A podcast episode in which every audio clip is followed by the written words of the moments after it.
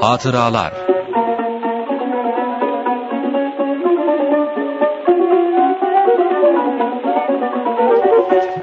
Merhaba değerli dinleyiciler. TGRT FM Radyosu'nun İstanbul stüdyolarından hepinize merhaba. Bir haftalık bir aradan sonra yine sizlerle beraberiz. Hatıralar programının bir yenisinden hepinizi sevgi ve saygıyla selamlıyoruz.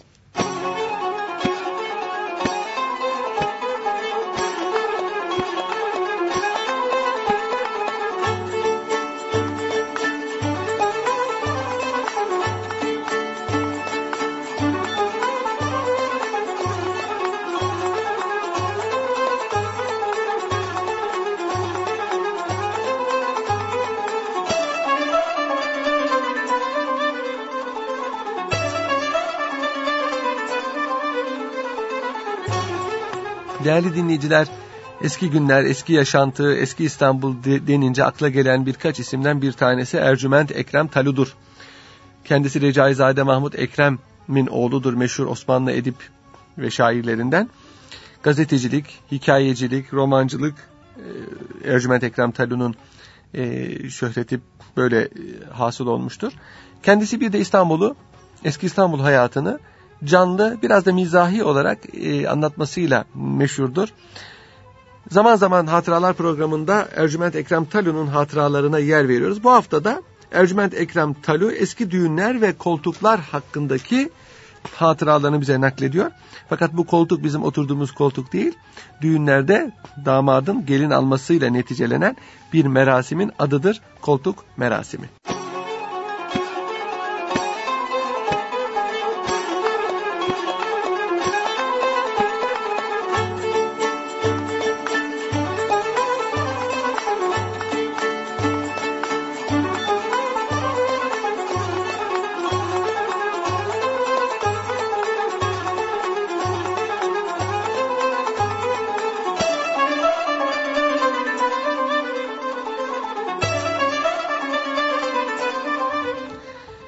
Koltuk eski zaman düğünlerinin en mühim hadisesi, temaşası, atraksiyonu idi.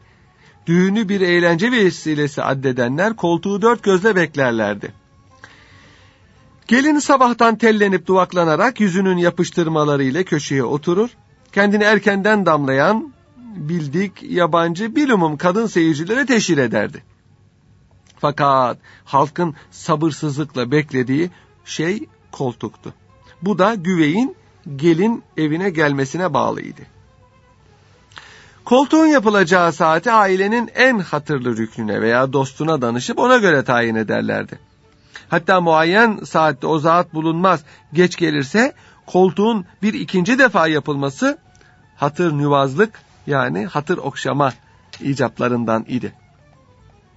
O sabah güveylik tıraşını merasimle berberde olan damat yeni urbalarını giyer, babasının, kardeşinin, en yakın akraba veya arkadaşının refakatinde bir paytona biner. Hangi saatte bekleniyorsa o vakit düğün evine giderdi. Bu hususta istical göstermeyip, acele etmeyip kendini biraz bekletmek, naza çekmek, erkeklik vakarı ve haysiyetinin lazımelerinden sayılırdı.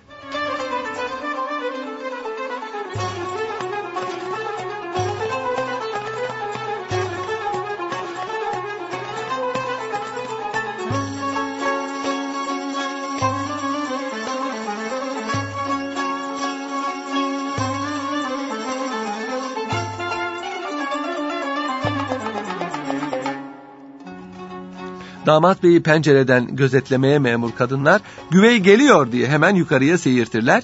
Geline ve odalarla sofaları dolduran kalabalığa haber verirlerdi.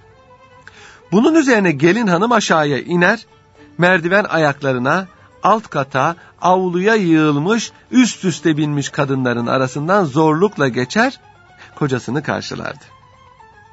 Her ikisinin birbirleriyle ilk defa karşılaşmaları bu suretle vuku bulurdu. Lakin güvey bu esnada bile gelinin duvaklı yüzünü görmez ancak boyunu, bosunu, endamını müşahede edebilirdi. Birer karşılıklı temenna, müteakiben yani selamlaşma, müteakiben güvey geline sol kolunu uzatır, o da bu uzatılan kola girer, birlikte merdivenlerden çıkmaya başlarlardı.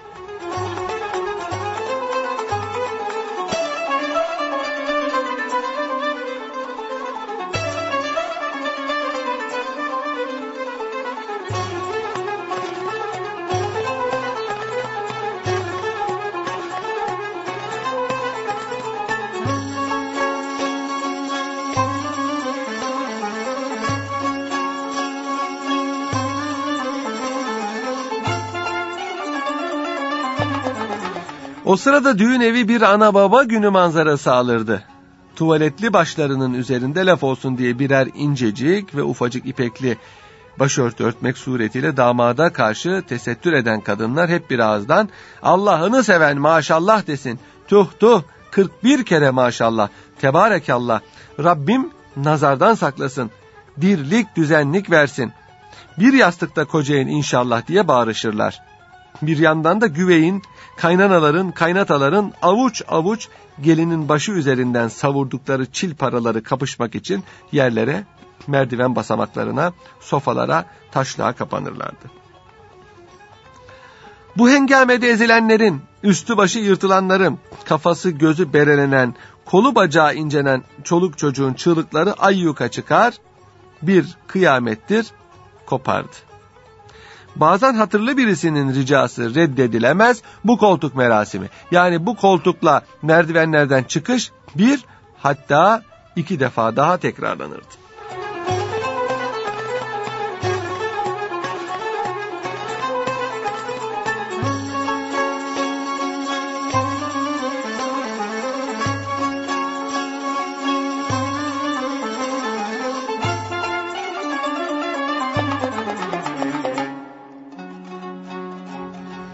Güveyle gelin yukarı kata çıkınca doğru gelin odasına giderler.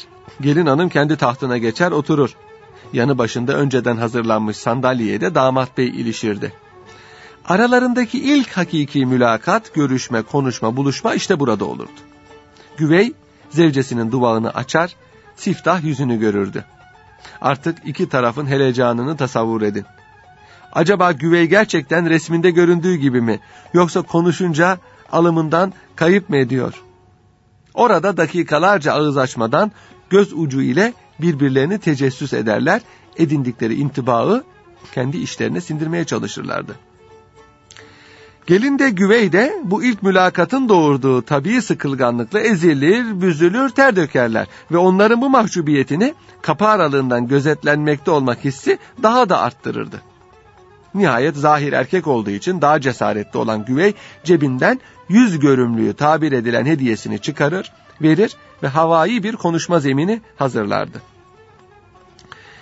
Birbirini ilk defa gören ve o günden itibaren birdenbire içli dışlı olacaklarını düşünen insanlar ne konuşabilirler? Fazladan heyecanı, yorgunluğu da hesaba katın. Afiyettesiniz inşallah. Teşekkür ederim efendim. Hava da oldukça sıcak. Yağmur sıkıntısı var. Yetişemeyeceğim diye korktum. Paşa babama uğradım. Beni alıkoydu. Öyle mi efendim? İstam, istifamlı bakışlar, göz süzmeler bu kadarcık kafi. Dışarıda sabırsızlanıyorlar. Kadın kalabalığı ve bilhassa sonradan gelenler damat beyi görmek istiyorlar. Hele para serpintisinden pay alamayanlar.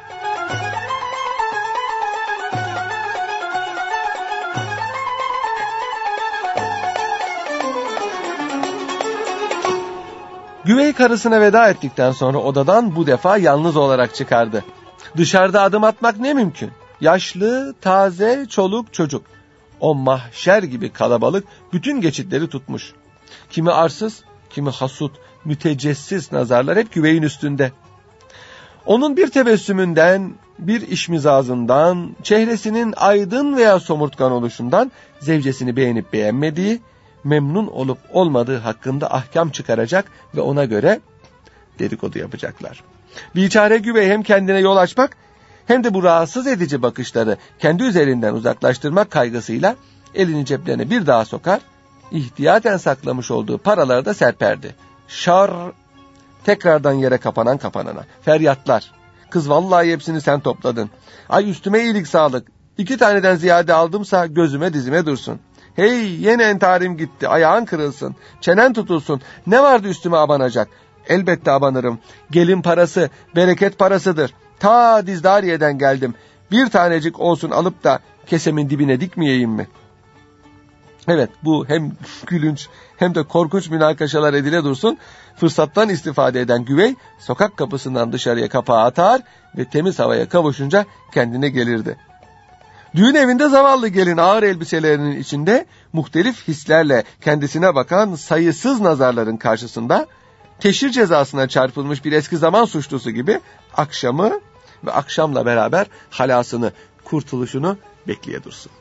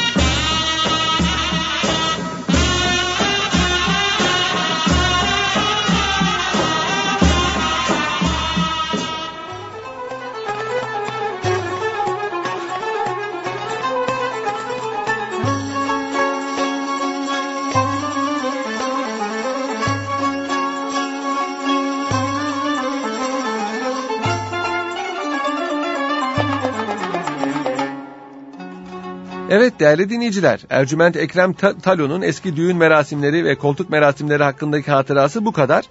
Ancak biz Ercüment Ekrem Talo'nun hatıralarına devam ediyoruz. Şimdi bir başka hatırası var. O da 1. Cihan Harbi arefesinde Dolmabahçe Sarayı'nda İngiliz amiraline verilen bir ziyafet bu.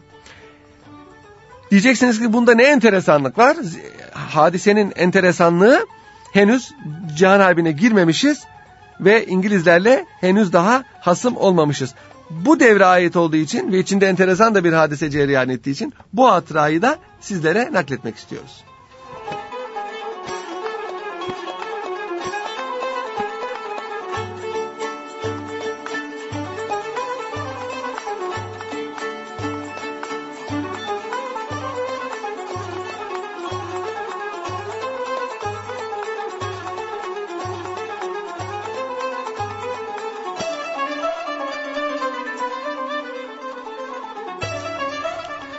Halkın ziyaretine açılan Dolmabahçe Sarayı hatıralar bakımından pek zengindir.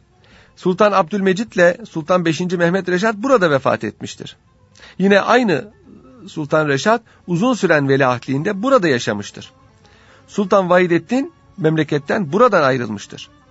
Ve Atatürk burada yaşamış, burada vefat etmiştir.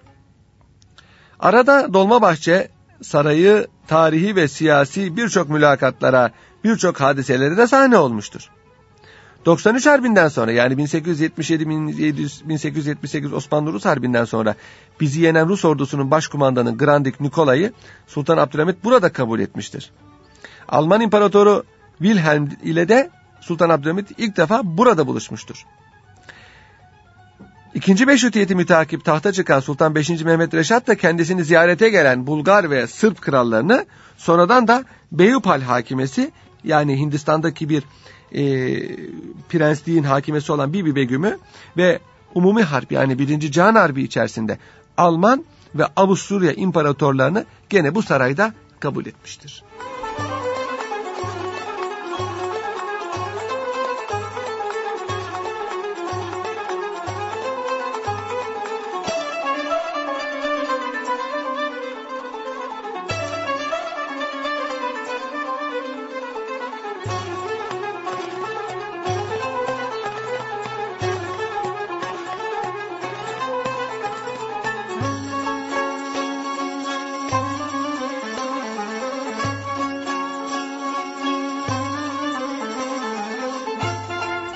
Bundan başka Birinci Cihan Harbi'nden az evvel arzı tazimat yani hürmetlerini taz e, arz etmek maksadıyla İstanbul'a gelen Akdeniz Fransız filosu kumandanı Amiral Bu de ile İngiliz filosu kumandanı Amiral Sir Edmund Poe da aynı sarayda Osmanlı padişahının huzuruna çıkmışlardır ve şereflerine muhteşem ziyafetler tertip olunmuştu. O vakitler ben yani Ercüment Ekrem Talu Divan-ı Humayun teşrifat memurlarından idim. Divan-ı Humayun Osmanlı Padişah Meclisi'ydi değerli dinleyiciler. Tazimattan sonra kabine teşekkül edince Bakanlar Kurulu Divan-ı Humayun kaldırıldı ama Divan-ı Humayun sekreteryası gerek başbakanlık gerek saray arasındaki irtibatları sağlamak bakımından devam etti.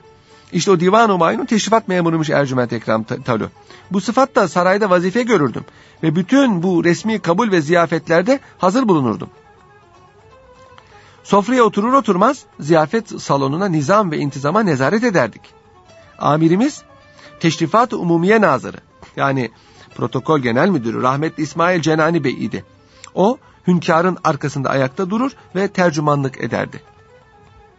İsmail Bey'in ikincisi olan Teşrifat Müdürü Memduh Bey merhum da güzel sakalının çerçevelediği pek sevimli simasıyla aynı vazifeyi hünkârın karşısındaki şeref mevkiinde oturan zatla onun yanına tesadüf eden devlet ricali arasında görürdü. İngiliz amiralinin ziyareti 1914 ilkbaharının sonlarına tesadüf etmişti.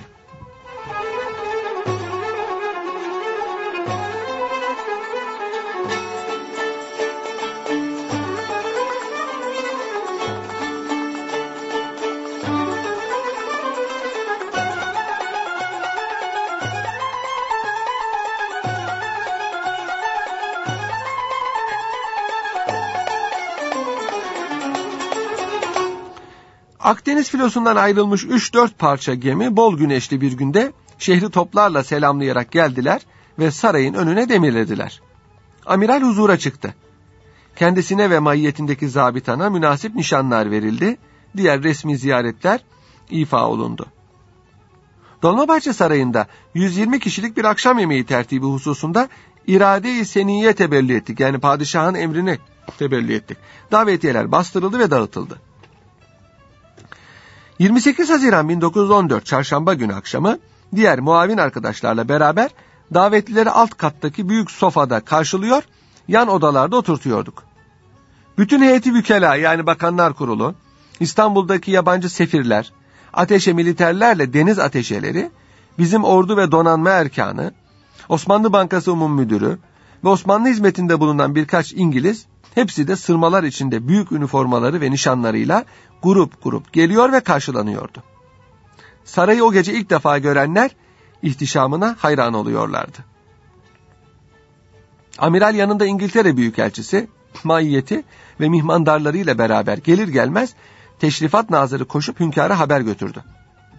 Biraz sonra davetliler hep birlikte yukarı kata ziyafet salonuna çıktılar. Sofrada kendilerine tahsis edilen yerlerin önünde ayakta durdular beklediler. Amiral ile İngiliz Sefiri Kebiri Büyükelçisi Sultan 5. Mehmet Reşad'ın yanına girmişlerdi. Pek kısa süren bir mülakatı mütakip padişah davetlileriyle beraber salona girdi. Köşede yer almış Mabey mızıkası önce İngiliz marşını ardından da Marşı Humayun'u yani Osmanlı Birliği Marşı'nı çaldı. Her iki marşı da ayakta ve kımıldamadan dinleyen hünkâr ile amiral ve İngiliz sefiri kebiri teşrifat da nazırının delaletiyle yerlerine götürüp oturtuldular.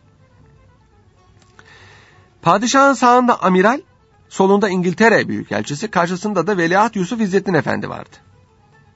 Enderun efendileri yani saray hademeleri o güzel kıyafetleri ve eşine ender rastlanan terbiye ve nezaketleriyle sofracılık ediyorlardı.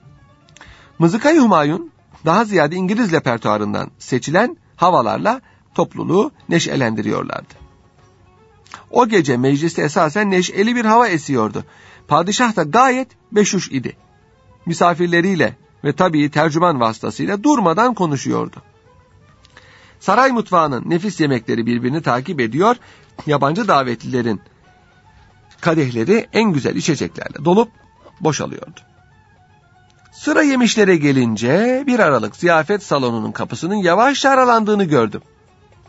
Katiyen caiz olmayan böyle bir hareketin vuku merakımı mucib oldu. Usulcacık o tarafa doğru seyirttim. Mabeyn katiplerinden yani padişahın hususi kalem görevlilerinden Murtaza Bey bana eliyle işaret ediyordu. Yanına sokuldum. Dedi ki, Avusturya sefirini telefonda aradılar. Sofrada olduklarını ve kalkamayacaklarını söyledim. Bunun üzerine sefaret müsteşarı olduğunu ifade eden zat, Avusturya veliahdi ile zevcesinin bugün Saraybosna'da bir suikaste maruz kaldıklarını ve maalesef her ikisinin de terki hayat eylediklerini bildirdi.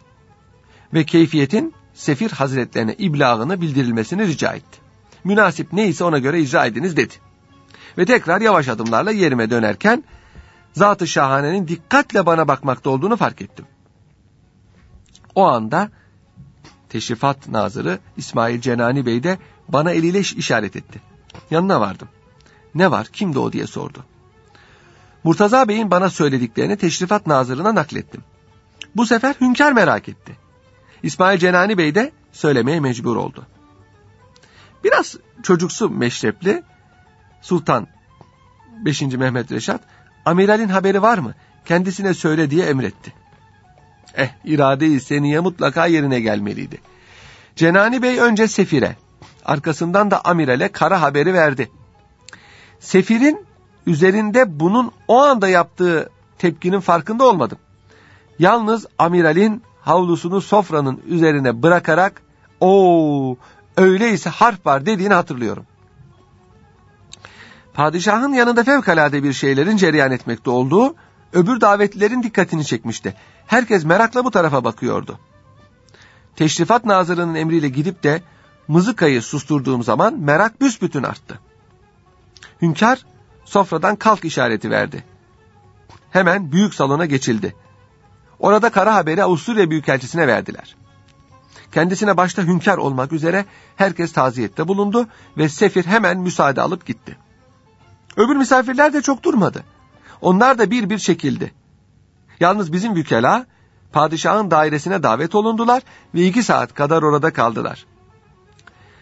İngiliz filosu kumandanı Amiral Poe, ertesi akşam için kendi forsunu taşıyan gemide bir mukabil ziyafet tertip etmiş ve davetiyelerini bizim vasıtamızla tevzi ettirmişti. Fakat sabahleyin uykudan gözlerimizi açtığımız vakit İngiliz gemileri İstanbul limanını çoktan terk etmişler ve amiral davetlilerinden özür dahi dilemeye vakit bulamamıştı.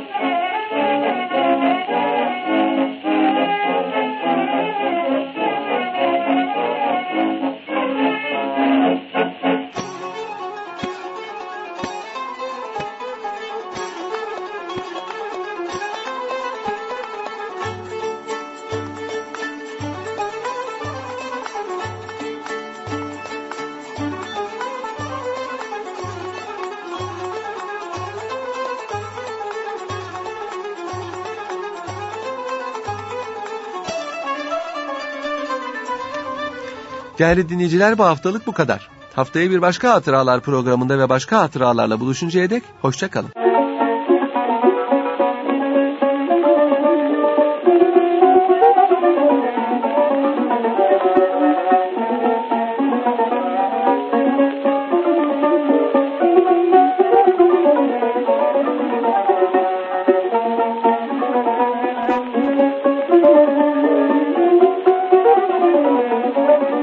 Hatıralar